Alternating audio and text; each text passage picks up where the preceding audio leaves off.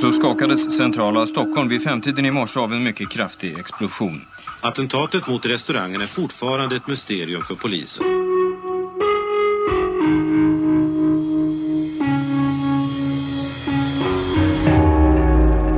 Det som började som ett bombdåd med kolossala proportioner. Och så sprängningen av restaurang Fontainebleau i centrala Stockholm. Ett bombdåd av en omfattning som tidigare inte inträffat här.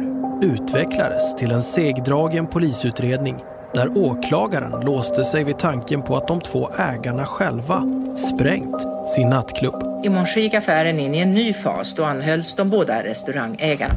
När bevisen inte räcker och ägarna släpps är det inte slutet på historien. Tvärtom. Nu blir den istället smutsigare. Att det kunde vara möjligt för en åklagare att, att gå från att driva den här utredningen till att gå till försäkringsbolaget som har stora summor står på spel för det här försäkringsbolaget i det här fallet. Och när Skandia vägrar betala ut ersättning till ägarna Konrad Öberg och Ingmar Arbro väljer de två att stämma försäkringsbolaget i vad som ska komma att bli en mycket infekterad tvist. Det fanns de som kallade dem för skamliga. Och det fanns visst fog för det, kan jag meddela. Då framkommer också en avlyssning som nu spår lyckats komma över. Du, innan med det, anledningen till att jag sökte dig. Ja. Där kan man sammanfatta hela fallet. Inte bara i en mening, utan faktiskt i ett enda ord. Då, du inte så bort hela. Problemet är bara att just det ordet är nästintill ohörbart. Då, då måste du inte så spränga bort hela familjen ju. Vi sätter en av Sveriges bästa ljudtekniker på uppdraget att tvätta inspelningen från brus. Kan han, med hjälp av den senaste tekniken, göra det som polisen misslyckades med 1983? Jo, då måste du inte så spränga bort hela familjen ju. Det här är Spår med Anton Berg Och Martin Jonsson.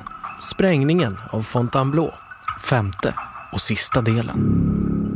Och lyssnar du via Acast har du tillgång till extra material som filmer, bilder och länkar som berikar den här upplevelsen. Välkommen till den här säsongen av Spår. Vi lämnade er i förra avsnittet med en pågående hovrättstvist. Där Konrad Öberg och Ingmar Arbro stämt Skandia eftersom försäkringsbolaget vägrat betala ut ersättning för den söndersprängda restaurangen Fontainebleau. Tingsrätten gav Skandia rätt, men hovrätten de kommer göra en annan bedömning. Vi ska strax berätta varför och hur hovrättens dom kommer att bli. Men först till det som ni hör i bakgrunden. Anton och vår researcher Nina är på väg in på det stora polishuset på Kungsholmen i Stockholm. Ja, vi har fått kod på den hemliga telefonavlyssningen mellan Ingmar Arbro och Konrad Öberg. Den från 11 mars 1983. Tio dagar efter att de båda släppts ur häktet. Den här avlyssningen har hela tiden varit hemligstämplad. Men eftersom den innehåller Öbergs och Arbros röster och Konrad Öberg inte längre är i livet så lyckas vi med hjälp av Ingmar Arbros hjälp att gå förbi sekretessen. Det är självklart att ni får ta del av precis allting som ni vill. Ja, vi har fått en fullmakt av dig där. Jag har ingenting att dölja. Vi har helt enkelt fått en fullmakt från Ingmar Arbro. Alltså tillstånd att ta del av inspelningen. Men vilken Ja, kolla här. snygg maskin! Ja, en gammal rullbandare. Ja, Där känner man ju igen. en sån har du sett förr menar du? Tandberg.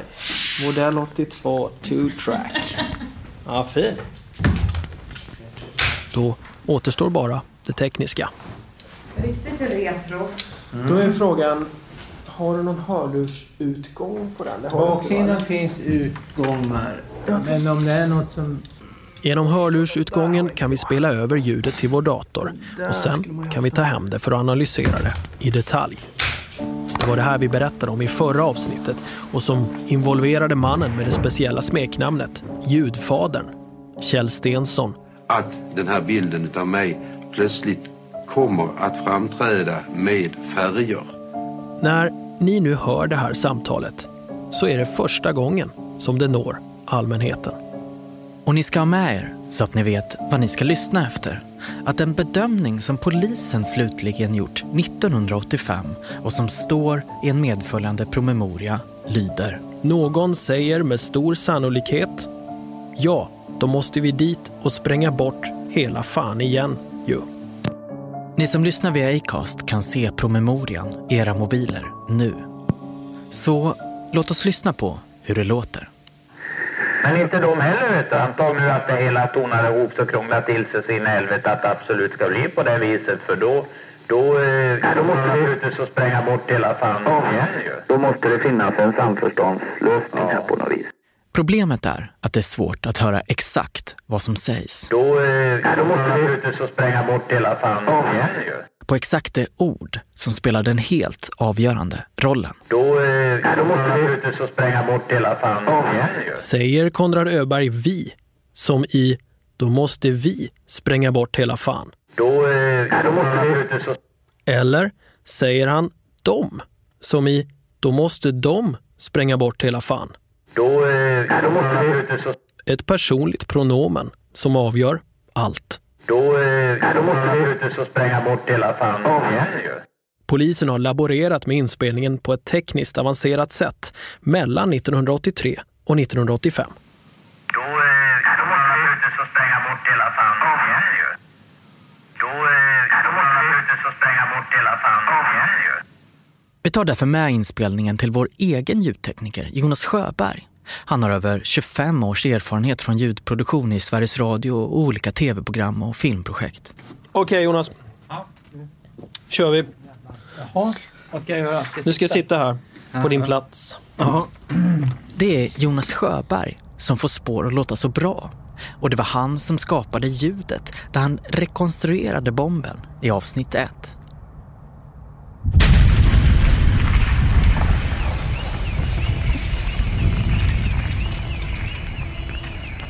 Nu ska vi se vad Jonas anser om hur polisen arbetat för att försöka tyda vad som sägs vid den kritiska tidpunkten på avlyssningen.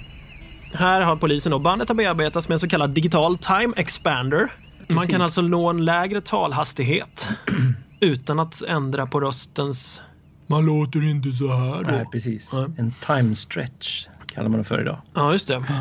De har också gjort en tonlägeshöjning av 20 procent. Mm. Sen har man på slutet också gjort det så att man har tagit bort de lägsta basfrekvenserna under 400 Hz. Mm. Så man dämpar dem och så de högre frekvenserna över 2 kHz höjts något. Mm.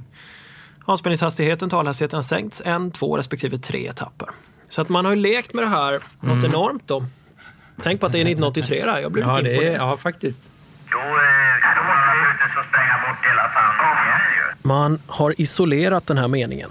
Då, eh, då måste vi ut och spränga bort hela fan igen ju. Då, eh, då måste vi ut och spränga bort hela fan igen ju. Man har sänkt talhastigheten. Då måste vi ut och spränga bort hela fan ju. Man har höjt tonläget. Då, eh, då måste ut och spränga bort hela fan. Ändå är det fortfarande oklart vad som sägs.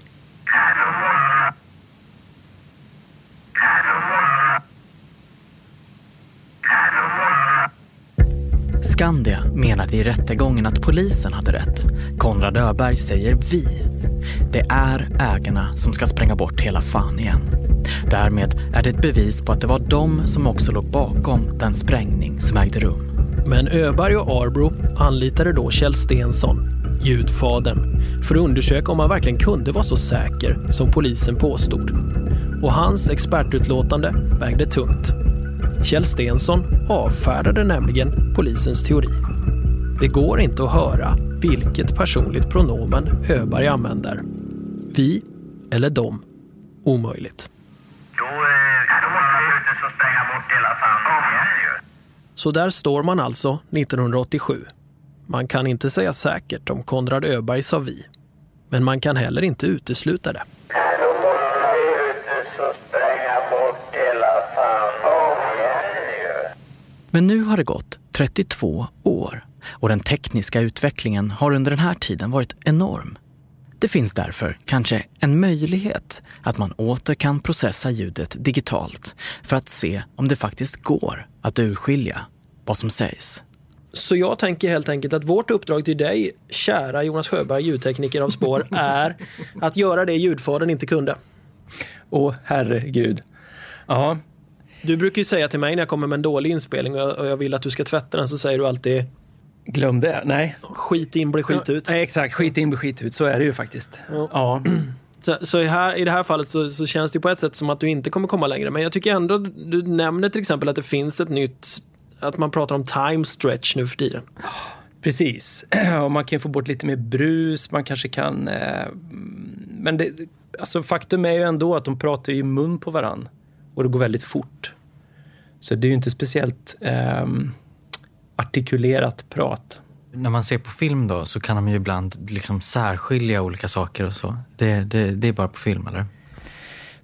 Till viss del kan man särskilja. Om det ligger alltså, brett isär i frekvensband sådär. Ja. Så skulle man kunna liksom särskilja kanske en, en klockringning mot ett tal eller liksom sådär. Men om det är två tal ihop så tror jag att det kan bli jäkligt svårt alltså. Men eh, absolut, ska försöka. Ja. Vi återkommer när du har hittat något då. Mm, mm. Verkligen.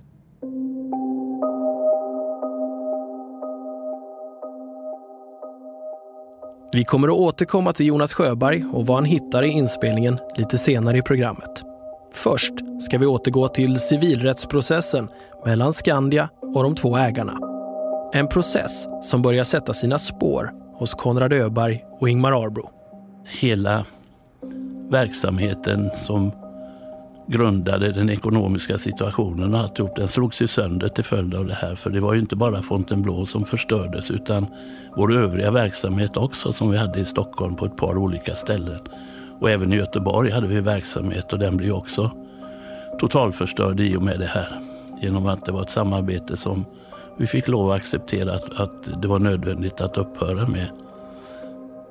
Varför det? Jo, därför att samarbetsparten NK då, de ville väl inte ha någonting med, som var i närheten av detta. De kunde ju också tänka sig att det kanske finns en risk att det händer något i Göteborg också. Det vet man ju inte hur de resonerar. Det blev i alla fall omöjligt att bedriva den här typen av verksamhet överhuvudtaget. Man vill inte bli förknippad med Det kanske var så att man upplevde att det var riskabelt, jag vet inte. Det dröjer alltså fyra och ett halvt år efter explosionen innan tvisten mellan Skandia och de två ägarna prövas i rätten. Skandia menar under hovrättsförhandlingarna att de två ägarna, genom den kedja av indicier som tingsrätten redan accepterat, binds till explosionen. Skandia implicerar också att de därför också på ett eller annat sätt var inblandade i mordbranden några månader tidigare. Läkarstudenten, som först brände ner restaurangen, ska sen har sprängt den på uppdrag av Ingmar Arbro och Konrad Öberg, menar Skandia. Något som varken polis eller åklagare lyckats bevisa. Till det menar också Skandia att man lägger till att de två ägarnas ekonomi var i dåligt skick. Och som vi berättade om i förra avsnittet så fanns det också en lång historia av försäkringsärenden. Totalt 76 anmälningar under de här 14 åren. Det tror jag inte en sekund på. Det kan inte vara möjligt. 76? Nej, finns inte en chans. Hovrätten börjar just i de där försäkringsärendena. Det är en brand i sommarstuga Gillberga, Högsby 75. Det är Arbros fritidshus norr om Oskarshamn brinner 76. Nej, nej, nej, stopp nu. Gillberga, Högsby och norr om Oskarshamn, det är ju samma hus. Ja, bra. Och det var inte i vår ägo när det brann. 1977 brand i sommarstuga Oseboll, Torsby. Det stämmer. Och stegvis dekonstruerar man Skandias logik. Visst har de två ägarna en lång historia av försäkringsärenden. Men att hävda att de är inblandade i så många som över 70 ärenden som konstaterats i tingsrättsdomen verkar inte stämma med den bevisning som Skandia kan föra fram. Spår kunde själva konstatera över 30 fall, närmare hälften av de som Skandia ska ha hittat. Hovrätten väljer att fokusera på några försäkringsärenden. Man lyfter bland annat Konrad Öbergs hjärnskada och konstaterar att man kan inte belägga att Konrad Öberg vetat om eventuella försäkringskonsekvenser när han fullföljde sina juridikstudier. Och så konstaterar man krast att Skandia misslyckats med att belägga att de två ägarna är försäkringsbedragare. Och så fortsätter man med ekonomin. Hovrätten väljer att inrikta sig på tiden från själva branden fram till explosionen. De två ägarna de tar in en revisor som menar att deras ekonomi visst gick bra och att det gick ovanligt bra just vid den här tidpunkten. Skandia å sin sida tar in en annan revisor som menar att det inte alls gick bra. Så frågan blir då om ekonomin verkligen kan vara ett motiv till att spränga hela restaurangen i luften. De två expertutlåtandena står emot varandra. Hovrätten väljer att gå på ägarnas linje och konstaterar citat att Skandia inte synes ha fog för påståendet att företagsgruppens bokföringsmässiga ställning var dålig. Slutcitat. Med andra ord, ekonomin är inget skäl att spränga hela restaurangen i luften. Till sist går man vidare till de två ägarnas direkta eller indirekta inblandning i explosionen. Eftersom polisutredningen är pågående kan domstolen bara ta ställning till vad parterna påstår och invänder. Ägarna påstår ju att de är utsatta för en komplott orkestrerad av läkarstudenten i en serie brott som involverar allt från kassaskåpsstölder till kidnappningar av deras personal. Skandia påstår att läkarstudenten är de två ägarnas lakej som först bränner ner restaurangen och sen spränger den i luften. Skandia menar dessutom att samma natt som explosionen ägde rum så ska Ingmar Arbro betett sig märkligt. Att det tog ovanligt lång tid innan han åkte till platsen där restaurangen sprängts i luften. Dessutom ska han saknat alibi eftersom han inte delade sovrum med sin fru. Hovrätten avfärdar bägge parters påstående. Det går helt enkelt inte att fastslå varken det ena eller det andra. Ingmar Arbro betedde sig inte så konstigt på morgonen. Han kanske inte var så snabb, men inte heller långsam. Och sovrummen hemma hos familjen Arbro låg så nära varandra att frun brukade vakna om han kom hem sent eller hade vaknat tidigt. Dessutom fanns ju samtalet där Arbro väcktes av journalisten Peter Kadhammar. Och så har hovrätten rätt ut att advokat Per Stadig såg Konrad Öberg där tidigt på morgonen när han var på väg till fjällen. Det var inte en främling. Hovrätten konstaterar vidare att det heller inte går att höra vad som sägs i det telefonsamtal som ni hört tidigare. Det där Konrad Öberg och Ingmar Arbro pratar om att spränga eller att någon annan ska sprängt restaurangen. När man läser den här domen, som är 74 sidor lång, är det lätt att få en känsla av att hovrätten faktiskt reder ut brottet. Men det som står på spel här i civilprocessen mellan Skandia och ägarna är ju om Skandia ska betala ut ersättning till ägarna eller inte. Vem som har sprängt Fontainebleau är och förblir en oklar sak. Den 26 juni så meddelas hovrättsdomen. Skandia ska betala ut en ersättning till de två ägarna. Och i hovrätten så fastställde, de fastställde då med fem röster mot noll att Skandia var ersättningsskyldigt. Punkt slut. Och hur kändes det? Fantastiskt. Men det var ju inte slutet på historien. För att det var en så kallad fastställelsetalan. Det bestämdes alltså, resultatet var alltså att de var ersättningsskyldiga. Men det sa ju ingenting om hur mycket de skulle betala. Och de var ju inte särskilt medgörliga på den punkten heller som du kanske förstår. Så då var ju frågan, hur gör vi nu då? Då, då började vi förhandla såklart. Vi hade ett krav och de hade något motbud som var fullständigt idiotiskt. Och då uppstod frågan, kan vi stämma dem igen? Och, och om, om beloppets storlek och så vidare. Och det insåg vi att vi maktade inte med det. Vi har inte de resurserna. Skandia har ju enorma resurser och vi hade just inga resurser. Och till slut så var det en nytillträdd, tror jag, skadechef på Skandia som tyckte att nu får det vara nog, så nu ska det göras upp. Och då var det någon förhandlare på Skandia som jag hade särskilt mycket att, göra med som var något mer resonlig. Så att vi, vi kom fram till en uppgörelse som var inte bra, men heller inte urusel. Den var tillräckligt bra för att man skulle kunna acceptera den i alla fall, även om det var motvilligt. Summan där är ju alla väldigt nyfikna på. Hur mycket fick ni? Men hur är det med det där? Får du prata om det och vad kan du säga? Nej, när vi gjorde upp med Skandia så gjorde vi också upp om att vi skulle inte diskutera det här offentligt.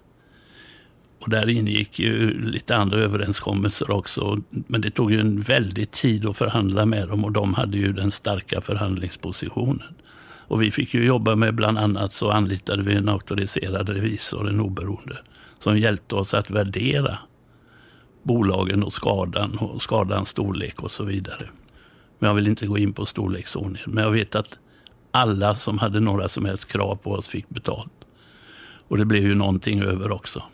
Inför så finns det en rubrik i någon av kvällstidningarna som innan ni sätter igång processen att sanningen kostar 14 miljoner. Alltså implicit att det är 14 miljoner det handlar om. Nej, det, det, det, stämmer inte. Är det för högt? Jag vill inte kommentera det. Jo, det, det, det är mycket för högt. Ja. Men vad händer om du skulle säga en siffra idag? Skulle du bli... Det vet jag inte. Nej. Men det är du vill inte ta reda på det? Nej. Det vill jag inte, för har man skrivit på någon form av avtal så ska man väl hålla sig till det, tycker jag. Mm. Och det, det gäller för Skandia. det gäller för evigt? Ja, det tycker jag nog. Men framför allt så ledde den till att alla intressenter fick sina pengar. Alla fordringsägare. Och det var rätt mycket pengar med alla räntor som hade löpt under nästan sex år. På den tiden vill jag minnas att räntan låg någonstans kring 15-16 procent. Det blir mycket pengar på 5-6 år. Det känns viktigt för dig det här? Mycket viktigt. Kan du berätta varför? Ja, det var ju en förutsättning för att man fortsättningsvis skulle kunna ha någon eventuell plats i affärslivet. Att man inte såg som någon bedragare, massa människor hade blivit lurade på pengar. Så skulle det upplevas om de inte hade fått någon ersättning. Men det intressanta var ju att alla dessa fordringsägare, de trodde på oss och väntade. Det stödet, vad betyder det? Mycket. Vilken som helst av dem kunde försatt vårt bolag i konkurs när som helst under den här perioden. Och det gjorde de inte? Nej. Men när du tänker på det idag, hur, hur känns det? Fantastiskt. Bra. Mm. Ja, det känns som att, du, att det är någon slags folkets stöd här. Det var det. Mm. Plus givetvis alla bekanta, släkt och vänner, hela paketet. Det var ju ingen som trodde på detta. Jag vet ingen som jag kände tillnärmelsevis överhuvudtaget som någon gång uttalade någon misstanke om att det kunde vara rätt som, som Ekstrand och polisen hade framfört eller som Skandia framförde det. Alla trodde ju på oss. Mm. Sen vet jag inte hur det såg ut ute bland allmänheten. Där blir det naturligtvis mycket sånt här, ingen rök utan eld och allt det där. Men de som kände oss, de trodde på oss. Men det blev det så att som slutet för dig som krögare eller som det ägare? Kan, det kan man ju säga. Det blev det ju definitivt. Och restaurangbranschen är ju så vitt jag kan begripa en bransch som inte har utvecklats på något positivt sätt när det gäller eh, det man brukar kalla maffia och beskydda verksamhet och så vidare. Det förefaller ju om man läser rubrikerna idag vad som händer att det är etter värre idag än vad det var då. Men nu ska det sägas att vi var ju aldrig utsatta för någonting sånt utan de här attentaten mot Fontainebleau det kom ju som en blixt från en klar himmel. Ingmar Arbro och Konrad Öbergs affärsverksamhet tog slut då efter att Skandia förlorat i hovrätten. Det var slutet på ett partnerskap som hade påbörjats 15 år tidigare på Handelshögskolan i Göteborg. Under de åren vi jobbade ihop så hade vi aldrig någon form av kontrovers. Vi kom alltid överens. Och det är ju kanske inte så vanligt, men det, så var det i det här fallet. Vi hade väldigt bra relation. Vi pratar ju om honom i Imperfekt, alltså han finns ju inte längre. Nej, tyvärr. Han hade en otur i livet för han råkade ut för flera olycksfall och eh, även allvarliga sjukdomar under de senare åren. Och till slut så, så råkade han ut för... Han fick en stroke helt enkelt och avled så vitt jag förstår i sömnen för att han hittades på morgonen död i sängen. Och hans eh, dåvarande sambo hittade honom och ringde mig faktiskt på morgonen då och berättade detta, vilket var helt ofattbart. Så han hade tydligen gått och lagt sig, somna och aldrig vakna. Konrad Öberg, han valde till slut att lämna Sverige för att starta ett helt nytt liv. Ja, hallå? Ja, hej, det här var Martin Jonsson igen. Ja, hejsan. Hej, hör du mig bra? Jaha, det är bra ja. Hans dåvarande fru, Helene Öberg, bor fortfarande utomlands. Och hon minns än idag hur det gick till när Konrad Öberg greps. Det jag minns mest det var ju att plötsligt så eh, stod då, var Borå polisen där och hämtade Konrad. Ingen av oss kunde ju förstå varför. Vi hade ju ingen aning. Och han trodde väl liksom att jag har lite frågor som jag ska svara på och sen är jag snart tillbaka. Men eh, sen fick jag ju så småningom veta att eh, han skulle inte komma tillbaka på en gång. Hur skulle du beskriva Konrad? Han var inte intresserad av att ta några risker i sitt liv utan han planerade och gjorde allting eh, så att livet skulle bli så pass, ja, så pass enkelt som möjligt. Det fanns inget ont i honom. Aldrig någonting som jag upptäckte i alla fall. Och, och, jag hade ju aldrig, aldrig någonsin den minsta misstanke på att någon av dem var inblandade. Kom du ihåg vad du tänkte? Jag tänkte väl hur, hur, hur, kan man överhuvudtaget bara tro att de här två personerna skulle ligga bakom någonting sånt? Det var ju alltså... Helt, för oss som kände dem var det ju totalt ofattbart. Det var så mycket som var undligt att de skulle inlåta sig på någonting. Och de hade ju hyggligt ställt och hade bra liv. Så varför skulle de göra det här? Det fanns liksom inget skäl till det. Och att de överhuvudtaget skulle befatta sig med någonting, någonting kriminellt. Det var, det var helt absurda tankar, helt absurda tankar. När Konrad Öberg häktas har de varit gifta i ett år och Helen väntar deras andra barn. Vi eh, var ganska nybekanta när eh, restaurang Fontainebleau sprängdes och hade då en eh, liten flicka på ett och ett halvt år och väntade nummer, jag väntade nummer två när det hände. Det är klart att det var en besvärlig tid för mig att vara ensam med ett litet barn och så vänta ett barn. Mm. Och så eh, inte ha stödet av honom utan oron istället. Det var ju stort, större kanske än jag förstod som satt mitt i det. För mig handlade det ju mycket om min värld och det handlar kanske inte så mycket om vad Stockholm upplevde. Och eh, jag tror att, eh, jag menar det mediala intresset det var ju naturligtvis förståeligt men det var ju ingenting som, jag kunde inte göra någonting åt det. Jag tror att där var det mycket, mycket värre för Konrads föräldrar, betydligt värre. Ja. Just det. Mycket, mycket värre. Medan polisutredningen initialt fokuserar på just de två ägarna så riktar man in sig på olika teorier som kan förklara vad som hänt. En av dem var att de två ägarna ska ha blivit utpressade att begå de här handlingarna. Polisen menar att det kan finnas en hemlig ägare. Mannen som sålde restaurangen till de två ägarna för ett väldigt lågt pris. Han benämns av vissa som en av de första gudfäderna i Stockholms undre värld.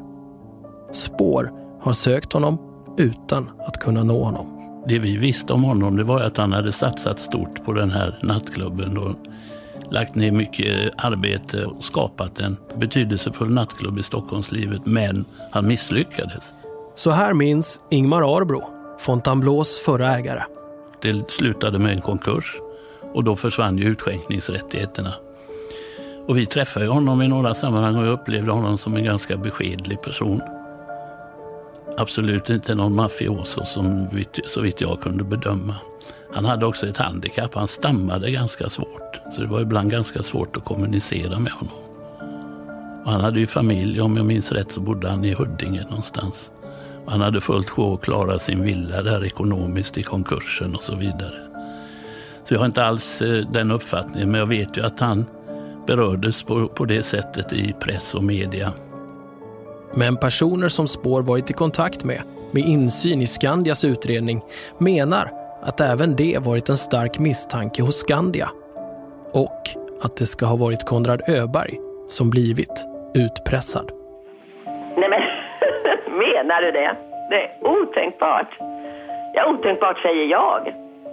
Han var inte utpressad. Han levde inte under någon form av press. Han var inte den personen som klarade sånt. Han var inte det. Det, det, hade, det hade knäckt honom om han eh, var utpressad. Absolut inte. Det fanns ingen... Det fanns ingen... Eh, ingen jag, menar, jag, jag, såg absolut ingenting som pekade i den riktningen. Definitivt inte. Nej. Absolut inte, nej. Jag kan väl tänka ibland att eh, om inte det här hade hänt så hade ju allting blivit väldigt annorlunda för vår familj. Och på vilket sätt det hade blivit annorlunda, det är svårt att säga, men det hade det säkert blivit. Och det hade nog blivit ganska mycket annorlunda för Konrad också. Så, men jag tror att han, han tänkte nog i alla fall att om den här eh, historien inte hade hänt så hade hans liv sett helt annorlunda ut. Sa Konrad någonsin någonting om vad han trodde hade hänt? Jag tror att han var helt övertygad om att det var bakom det. Ja. Absolut. Konrad Öberg trodde, enligt hans fru Helene Öberg, att det var läkarstudenten som var den skyldige. Även Skandia menade, under hovrättsförhandlingarna, att de också trodde att läkarstudenten var den skyldige. Bara att han utförde dådet på uppdrag av de två ägarna. I hovrättsdomen som kommer att ge de två ägarna rätt till ersättning finns det ett stycke som sticker ut. Det handlar just om läkarstudenten. Ni minns kanske avsnitt 1 då berättade vi om en Securitasvakt som patrullerade samma natt som restaurangen sprängdes i luften. En vakt vid namn Karl-Bertil Jonsson. Han ska ha sett en man i lösmustasch och peruk som burit upp väskor till hissen utan att agera. Spår har ringt till samtliga Karl-Bertil Jonsson i hela Sverige utan att nå vakten i fråga. Hovrätten pekar på en fotokonfrontation som ska ha gjorts med Securitasvakten. Vakten pekar då ut i en skara av åtta personer, läkarstudenten och en annan möjlig gärningsman, en vän till läkarstudenten. Vid en husrannsakan hemma hos läkarstudenten finner man en ritning av en nyckel som leder till kontoret på Fontainebleau samt en paraffinavgjutning ett nyckelax av en nyckel som leder till själva kassaskåpet på restaurangen. Samt en radiosändare, ett ihoptejpat batteripaket med åtta AA-batterier och en anslutningskabel med instickskontakt. Och hemma hos vännen, elsprängkapslar och miniatyrradiosändare. Utrustning som kan ha kommit till användning vid sprängningen av Fontainebleau och man skriver nu i hovrättsdomen och anser det anmärkningsvärt att hemma hos läkarstudenten så finns det en kassett som innehöll inspelningar av TVs samtliga nyhetsutsändningar av sprängningen av Fontainebleau. Dessutom hittar man en kamera som innehöll fotograferingar av bildrutan och så nio kuvert med nyhetsklipp från tidningar. Det här, menar hovrätten, pekar på att läkarstudenten är direkt inblandad i sprängningen. Men det ska visa sig finnas en annan förklaring till nyhetsklippen. Svaret hittar spår hos en tidigare anställd. Ett tag var han dörrvakt tillsammans med Dolph Lundgren utanför Fontainebleau. Men han har också haft klubb på restaurangen.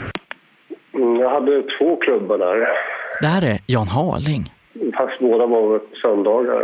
En som hette Club Pair of Scissors som var en branschklubb för folk som jobbar som frisörer. Så körde vi någon Sunday Beach Club hette det tror jag också.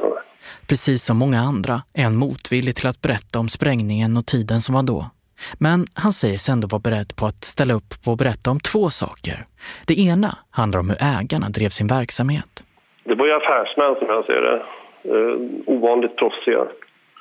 Vad, vad anser du om hur pass vinstdrivande ett ställe som Fontainebleau var? Jag tror att det gick, gick eh, bra. Eller kanske till och med väldigt bra. Och det baserar du på? Att de skötte det där proffsigt. Att de hade en bra deal med hyresvärden. Eh, att de hade bra idéer. De hade en lördagsverksamhet som funkade jättebra. Eh, men eh, sen hade de väl festvåning och de hade liksom event även på, på dagar och på andra dagar också med beställningar. och Så att jag tror att det snurrar på ganska bra. Och sen det andra. Och det handlar om de indicier som pekar ut läkarstudenten. Och just det där anmärkningsvärda som hovrätten lyfter fram. De inspelade nyhetsklippen. När bomben exploderar är Jan Harling på semester i fjällen och vill följa vad som hänt på hans tidigare arbetsplats. Så han ber läkarstudenten att spela in vad som hänt. Ja, det stämmer. Eller om jag bad honom, eller det här är ju ändå 35 år sedan, om jag bad honom eller hans tjej som han hade då spela in det. För att det var ju före SVT Play det här och jag hade ingen tv vid tillfället för att den hade jag eh, tagit till, till fjällen och hade ingen tv hemma. Och, och då hände det här på ny, vid nyår. Och eh, då ringde jag eller hans tjej och frågade om de kunde spela in det där för att jag ville ju gärna se vad, vad som sades i och med att jag hade jobbat där då. Var lämnar då detta oss? Det finns tekniska indicier som nyckelämnet och radiosändare hemma hos läkarstudenten. Men det räckte inte då för varken polis eller åklagare för att knyta honom till explosionen. Men trots detta så pekar ändå hovrätten ut läkarstudenten. Alltså samma person som dömts för att tänt eld på restaurangen några månader innan den sprängdes. Som vi berättade i avsnitt tre så hade läkarstudenten en tid innan branden fått sparken efter att försökt ta en del av garderobskassan från Fontainebleau. Den som gett honom sparken, det var källarmästaren Sören Widholm. Ja, det visade ju sig att han hade varit anställd av Sören Widholm på det här ungdomsdiskot som vi hade, New Generation, som dörrvakt. Så motivet var här att hämnas på Widholm då? Ja, min, min tanke är ju att det här inte var riktat mot oss personligen utan jag tror att det var riktat mot Mr Akadem Sören Widholm. Han hade kommit på kant med en del människor i sin roll som källarmästare. Det var ju hans uppgift att sålla bland publiken. Var det någon som misskötte sig så åkte de ut. Fick inte komma tillbaka, man drog in medlemskapet, de blev för, förutmjukade och så vidare. och Så vidare. Så min gissning var ju att det var egentligen Sören Widholm och han hade ju dessutom varit föremål för de här rånincidenterna, om man ska kalla det så. Blivit förd ut i skogen och fastbunden och hotad med pistol och allt möjligt. Så att mycket talar ju för att det här egentligen var riktat mot Sören Widholm och inte mot oss. Men den effektiva metoden att få stopp på verksamheten, det var naturligtvis att misstänkliggöra oss eftersom det var vi som var de egentliga ägarna. Bomben är ett sätt att ta vid där branden misslyckades kan man säga då? Ja, det är ju en hypotes som man kan ha naturligtvis. Jag kan ju inte säga att det är så, men det, det ligger väl nära till hands att tänka i de banorna. Ja, vi har ju frågat åklagaren om det. Eh, Lennart Ekstrand. Det är den enda åklagaren som är i livet. Ja, vad tyckte han då? Lennart Ekstrand, som var den som först häktade Ingmar Arbro och Konrad Öberg, han redovisade vid tiden efter explosionen en tes som han än idag också framhållit för spår, att det är otänkbart att det skulle varit någon annan än de två ägarna. Eh, att det här skulle vara en komplott anser vi helt uteslutet. Därför att eh, föremålen är inte av den karaktären att eh, en utomstående skulle placera ut det på det här sättet. Kort sagt, det var ingen som försökte sätta dit dem. Man ska komma ihåg att när explosionen skedde så var branden fortfarande olöst. Spåret med läkarstudenten fanns helt enkelt inte. Med andra ord visste man då inte om de tekniska indicier som vi har berättat om. Frågan blir då, hur ser en person som Lennart Ekstrand på fallet idag? Vidhåller han att det är de två ägarna trots vetskapen om att en person dömts för mordbranden mot samma restaurang några månader tidigare. En mordbrand som man inte kunnat koppla de två ägarna till. Hur stor tycker du då att sannolikheten är att det är olika gärningsmän för bomben och branden?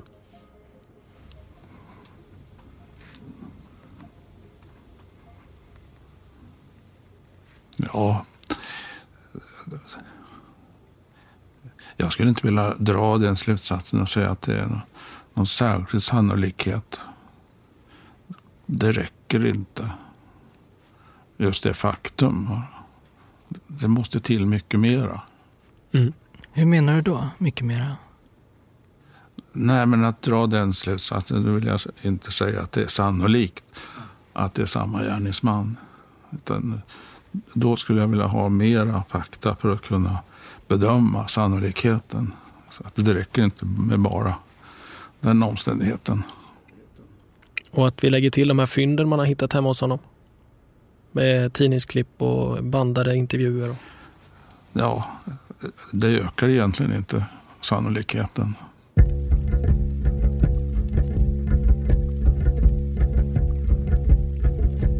Lennart Ekstrands roll i den här historien har varit ifrågasatt ända från att han slutade som åklagare och började sin anställning på Skandia.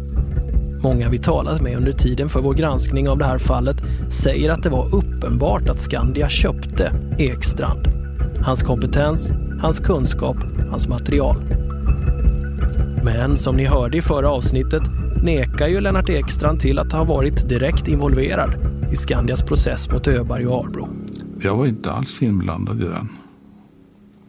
Utan det sköttes ju av eh, advokaten Södermark med biträde av en utredare. Ja. Vad, vad har du för uppfattning om den utredningen? Det byggde ju, så vitt jag vet, till en början helt på polisutredningen. Och vilka ytterligare åtgärder som gjordes, det vet inte jag. Men du pratade ändå med dem på fikaraster och sådär? Det förekom, ja. Vad ville de fråga dig om då? För jag antar att de frågade dig saker. Det var um, vad som fanns i utredningen. Om det fanns några uppgifter som de hade nytta av. Och då var det inga konstigheter att prata över en kopp kaffe? Nej, det var det ju inte. Vad kunde du bistå med, minns du? Nej, Nej det kommer jag inte ihåg. En som reagerade på det här redan 1983 var journalisten Peter Kadhammar på Expressen. Jag minns ju att jag tyckte det var anmärkningsvärt och upprörande men framförallt förvånande att det kunde vara möjligt för en åklagare att från, så vitt jag minns nu, från i stort sett en dag till en annan byta roll på det viset. Man kunde inte få något annat intryck än att försäkringsbolaget värvade honom just för att ta hand om det här fallet åt dem. För det gällde ju många miljoner kronor. Spår ringer därför upp riksåklagaren Anders Perklev. Ja, hallå, det är Anders ja. Perklev här. Ja, men hej Anders. Anders Perklev, han är chef för Åklagarmyndigheten sedan 2008 och vi ringer för att reda ut vilka regler som fanns och finns för åklagare som börjar jobba för andra uppdragsgivare. Ja, vad man kan säga att vad, vad som gäller i statliga anställningar är ju det att arbetsgivaren har ju inte något inflytande över vad en, en anställd gör efter att han eller hon har slutat sin anställning. Eh, så att i och med att anställningsförhållandet upphör så upphör ju också möjligheterna att ha synpunkter på eller ha någon slags eh, befogenhet att, att styra över vad en, en, en tidigare anställd, alldeles oavsett vad man har sysslat med, gör. Samma sak gällde då 1983. Så det fanns alltså inget hinder för åklagare Lennart Ekstrand att börja jobba för Skandia. Inte ur det avseendet. Det som möjligen då är ett hinder det är ju att att eh, eventuell sekretess består ju. Så att om man, om man har fått reda på sekretessbelagda uppgifter, till exempel sånt som hör till en förundersökning och som fortfarande är sekretessbelagt, så har man ju tystnadsplikt. Och den består ju även om man, om man har slutat sin anställning. Ja, och det är nu saker och ting sätts på sin spets. För det fanns definitivt tillfällen då information från polisutredningen läckte till Skandia. Det mest flagranta exemplet är ju det sekretessbelagda telefonsamtalet som polisen avlyssnat och spelat in när Konrad Öberg och Ingmar Arbro talas vid tio dagar efter de släppts ur häktet. Du, innan du börjar med det, anledningen till att jag sökte dig, ja. ska jag meddela dig det kort och gott innan jag glömmer bort det. Ja. Hur kan det samtalet, som när vi ville få ut det nu 2017, först nekades oss på grund av sekretess? Det krävdes ju en fullmakt från Ingmar Arbro hur kan det samtalet hamnat hos Skandia? Åklagare Lennart Ekstrand menar att han inte hade med saken att göra. Men den avlyssningen den gjordes efter att jag hade slutat på Åklagarmyndigheten. Riksåklagaren Anders Perklev han är mycket tydlig i vad som gäller för en person i Ekstrands position. Jag, kan inte, jag känner inte till hur, hur det förhåller sig just det här fallet som, som beskriver. Utan eh, självklart så, som jag sa, så gäller ju sekretess sen fortfarande och det gäller ju även om man har slutat sin anställning. Eh, är man då skyldig att, att eh, hålla det man har fått reda på för sig själv. Men vad händer om man skulle då läcka saker? Om ja, man bryter man ju, mot sekretessen så att säga? Ja, då kan man ju bli, bli åtalad i slutändan för eh, brott mot tystnadsplikten. Det kan ha funnits andra personer som läckte information. Skandias arbetsgrupp innehöll flera före detta poliser vid den här tiden. Ingen dömdes någonsin för något brott i samband med den här händelsen. Så exakt hur läckaget gick till får vi aldrig reda på. Men vi kan konstatera att det har brutits mot sekretessen. Och vi kan konstatera en sak till. Vi kommer att komma sanningen kring vad den här inspelningen faktiskt innehöll ett steg närmare. För vår ljudtekniker Jonas Sjöberg har lyckats få fram saker ur den gamla inspelningen. Jaha Jonas, då har du eh, kaffet i högsta hugg. Det är så vi är vana att se dig. Nu ska vi få höra vad du har kommit fram till. Ja! Det är dags att höra vad Jonas lyckats få fram när han processat den gamla telefonavlyssningen från 1983 i 2017 års senaste digitala ljudbearbetningsverktyg. Det var ju det här som Kjell Stensson, ljudfadern, försökt analysera redan 1987. Så låt oss kalla den här delen av vårt avsnitt för Ljudfadern 2. I huvudrollen nu Spårs ljudtekniker Jonas Sjöberg. Precis, jag eh, tog mig an detta och började då med originalinspelningen. Kom ihåg att det vi försöker ta reda på är om Konrad Öberg säger då måste vi spränga bort hela fan igen. Eller om han säger då måste de spränga bort hela fan igen. Vi eller de. Ett erkännande eller ett bevis på att man är oskyldig. Men inte de heller. Han sa nu att det hela tonar ihop och krånglar till sig in i helvete att det absolut ska bli på det viset. För då, då, eh, då måste vi naturligtvis spränga bort hela fan igen ju. Då måste det finnas en samförståndslösning här på. Precis. Det där är originalljudet. Ja, precis. Och det är ju lite eh, muggigt och brusigt och allt sånt där. Vet man varför det är så muggigt och brusigt, Jonas? Har du någon koll på det? Nej, alltså brus. Jag kan tänka mig att alltså, du spelade ju säkert in på rullband eller kassett. Polisen skriver att det är överstyrd inspelning. Ja, dessutom. Distat. Då gjorde jag eh, lite brus, eh, tog bort lite brus i det hela. Eh, störningar och så. Inte allt för hårt för att kunna liksom ändå bevara eh, så mycket av rösten som möjligt. Då, eh, då måste vi naturligtvis spränga bort hela ju. Då måste det finnas en samförstånd. Fortfarande så att det är någonting där. Ja, det, det är ju fortfarande ganska muggigt. Mm. Det är det ju. Det är det ju. Sen så eh, tänkte jag, men då får vi ratta lite på en EQ. Eh, ändra lite frekvenser och sådär. Så då landade jag någonstans i detta. Då, eh, då måste vi naturligtvis spränga bort hela fan igen ju. Då måste det finnas en samförstånd. Det går fortfarande inte att höra om de säger dem eller vi. Nej, det är ju det. Eh, eh, precis. De pratar ju i mun på varandra. Han sa nu att det krånglar till sig så in i helvete att det absolut ska bli på det viset. För då, då, måste vi naturligtvis spränga bort hela fan Den som pratar att här. absolut ska bli på det viset. För då, då, Det är Konrad eh, Öberg. Precis. Konrad säger någonting bakom här, att ska men blir avbruten.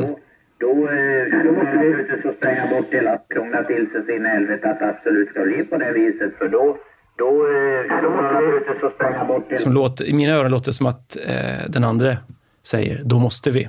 Ja, visst är det Arbro som säger det ja. Ja, Det har jag också tänkt. Precis, då måste vi. Och det säger han samtidigt som det här viktiga sägs där bakom. Så Eh, det finns ett vi, men det sägs av Arbro apropå något annat. Ja. Ja. ja. Det är alltså detta som Jonas lyckats få fram. Det är vi som polisen menar sägs av Konrad Öberg. Ni minns promemorian från 1985 där polisen kom fram till följande analys, citat. Någon säger med stor sannolikhet, ja, då måste vi dit och spränga bort hela fan igen ju. Slutcitat. Det är helt enkelt inte sant. Ordet vi sägs inte av Öberg. Det sägs av Arbro, apropå något helt annat. Enklast vore förstås om man kunde separerat rösterna från varandra. Men eftersom de båda pratar i mun på varann och inspelningen är ihopmixad på ett monospår är det här med att separera ett ljud från ett annat en mycket invecklad manöver. Någon jämförde med att ja, men när du har vispat ihop socker och ägg, då kan du inte separera ut sockret från ägget sen, utan det är som det är.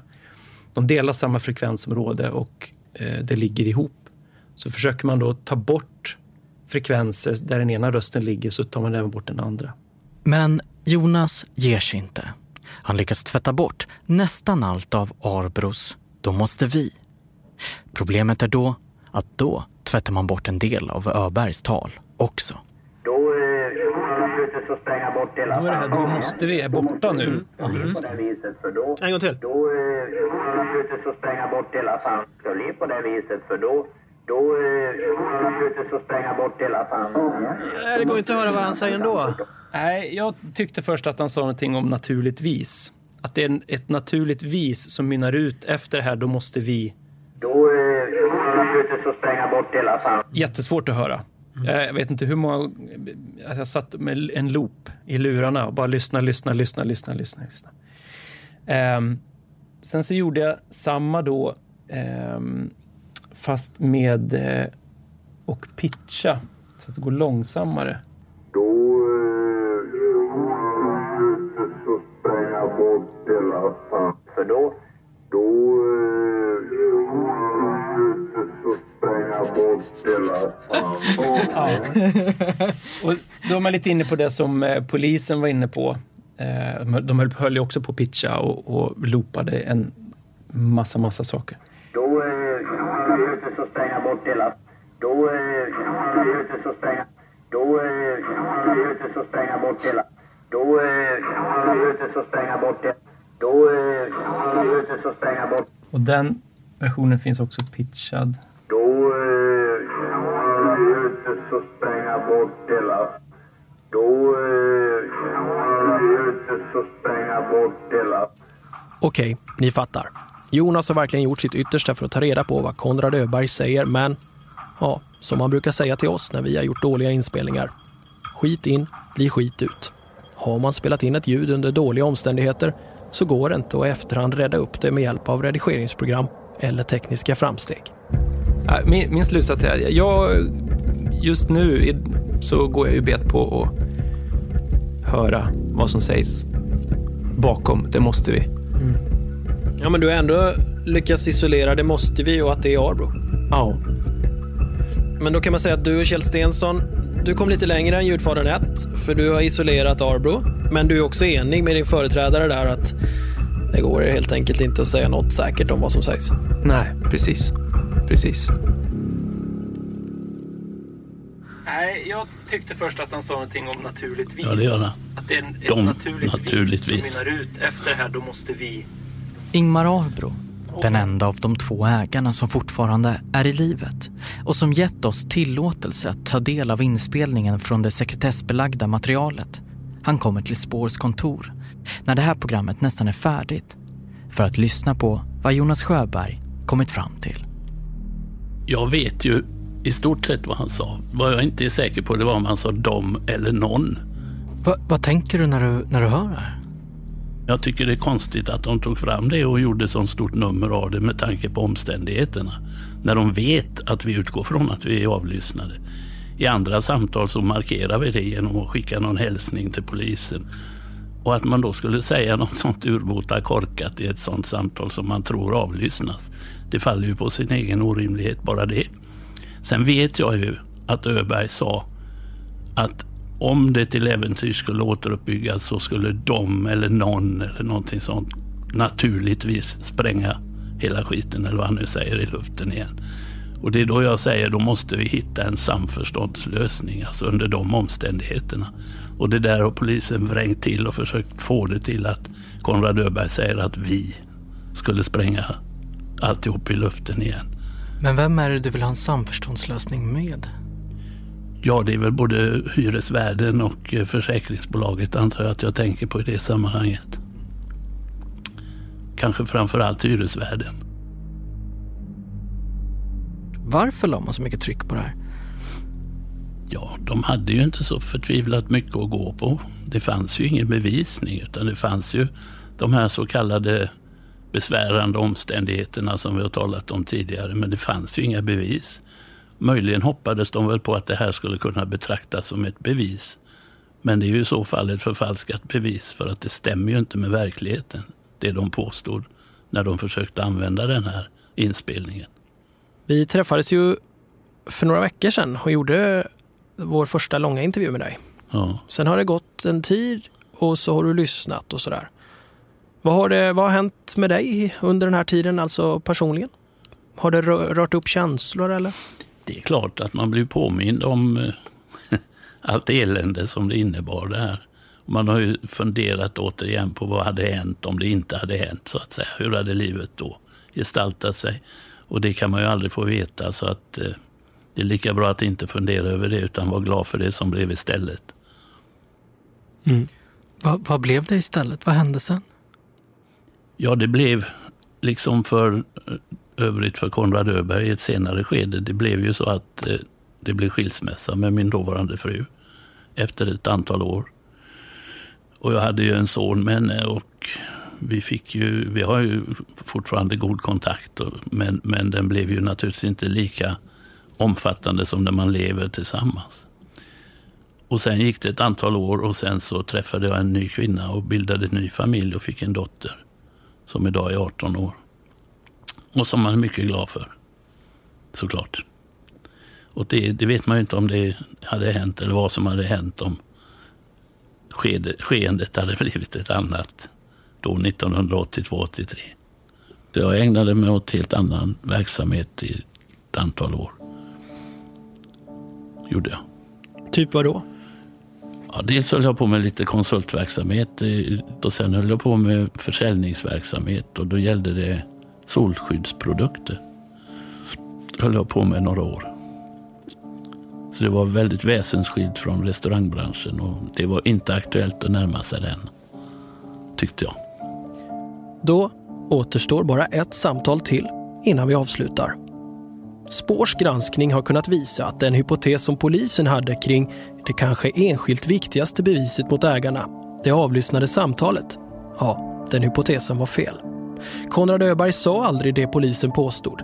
Ordet vi kom från Ingmar Arbro och då får ju samtalet en helt annan innebörd.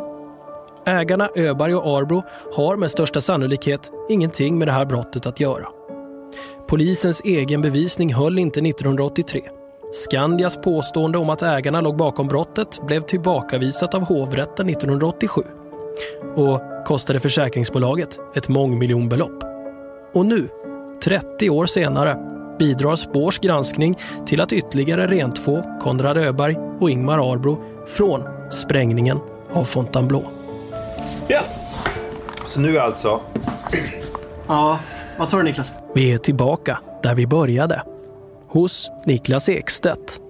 Kocken som bad oss titta på fallet från början. Ja, nej, men det har ju varit en väldigt spännande följetong och det, jag blev ju med en gång såklart extra engagerad för att det var ju min idé att ni skulle göra den här. Men det, man har ju verkligen suttit klistrad vid eh, hörlurarna. Mm, ja, men vi, vi, har väl kom, vi är ju färdiga nu så att säga. Vi kommer inte längre här. Mm. Ja, kommer ni inte längre så kommer ni inte längre. Ni kan ju inte heller skylla på någon om, om det inte finns en skyldig så att säga.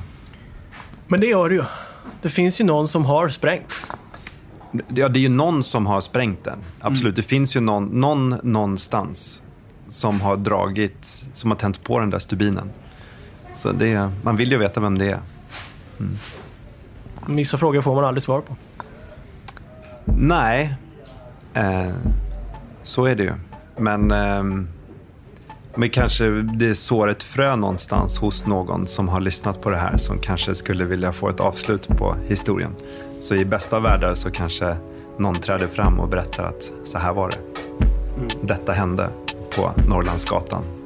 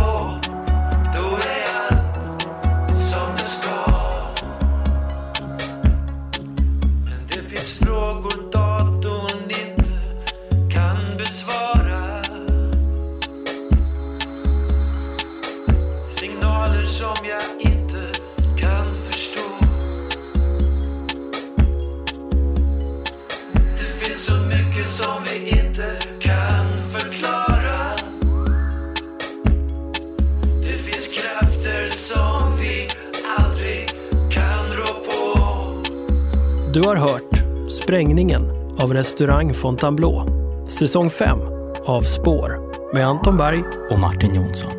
Spår görs av produktionsbolaget A1 Produktion i samarbete med Acast.